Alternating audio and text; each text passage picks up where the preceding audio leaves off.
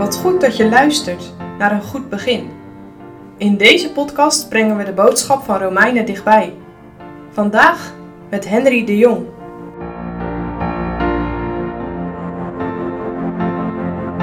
Leden van één lichaam. We lezen vanmorgen weer verder in Romeinen 12, vanaf het derde vers. Want door de genade die mij gegeven is, zeg ik een iegelijk die onder u is, dat hij niet wijs zij boven hetgeen men behoort wijs te zijn, maar dat hij wijs zij tot matigheid, gelijk als God iegelijk de mate des geloofs gedeeld heeft. Want gelijk wij in één lichaam vele leden hebben, en de leden alle niet dezelfde werking hebben, alzo zijn wij vele één lichaam in Christus. Maar elkeen zijn wij elkanders leden. Hebben er nu verscheidene gaven naar de genade die ons gegeven is. Zo laat ons die gaven besteden, het zij profetie, naar de mate des geloofs, het zij bediening, in het bedienen, het zij die leert in het leren, het zij die vermaant in het vermanen, die uitdeelt in eenvoudigheid, die een voorstander is in naastigheid, die barmhartigheid doet in blijmoedigheid. Wat knap zeg! Heb jij dat prachtige gedicht geschreven? Zachtjes zegt Annemarie. Ja, maar ik heb het niet alleen gedaan hoor. Bescheidenheid siert de mens, is een bekende uitspraak. Vandaag gaat Paulus verder om praktisch onderwijs te geven, hoe ons leven eruit zou moeten zien. Allereerst mag een gelovige niet groot van zichzelf spreken of een hoge dunk van zichzelf hebben.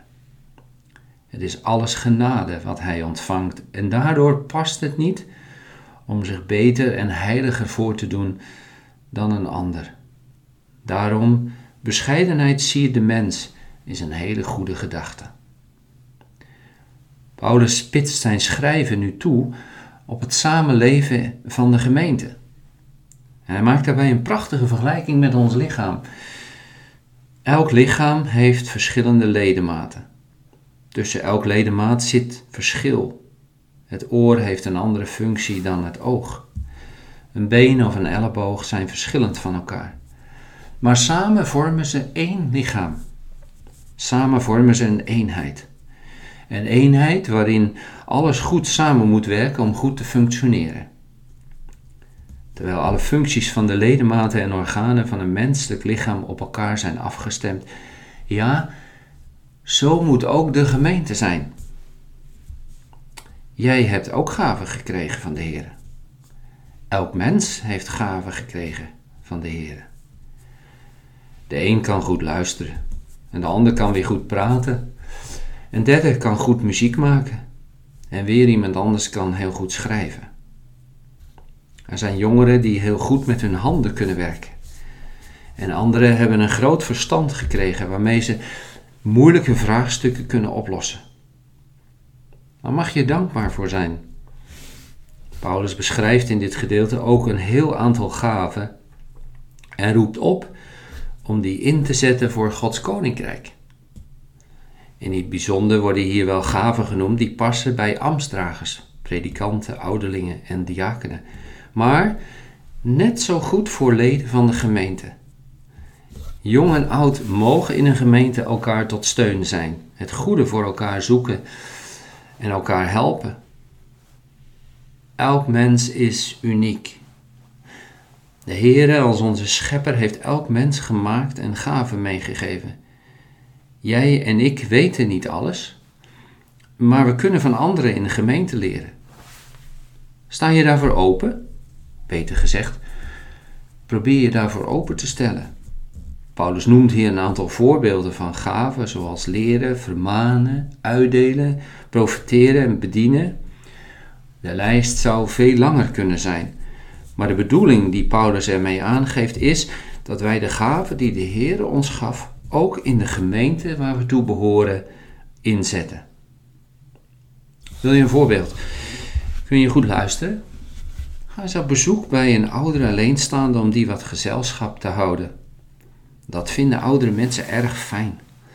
Luister naar de ervaringen die ze met je delen of vraag wat de dienst van de Heer voor hen betekent en probeer daar wat van op te steken. In een gemeente zijn altijd van allerlei activiteiten. Kunnen ze een beroep op jou doen om mee te helpen als ze iemand nodig hebben? Of meld je je misschien zelf spontaan aan? Probeer eens na te denken over hoe je iemand persoonlijk kan helpen in een gemeente en wat daarvoor nodig is. Op deze en andere manieren volgen we het voorbeeld van de Heer Jezus, die gezegd heeft: Ik ben niet gekomen om gediend te worden, maar om te dienen. Het tweede vers van Psalm 100 geeft samenvattend weer wat we zojuist hebben gehoord. Zing je mee? De Heer is God. Erken dat Hij ons heeft gemaakt en geen sinds wij, tot schapen die Hij voedt en wijdt, een volk tot Zijne dienst bereid.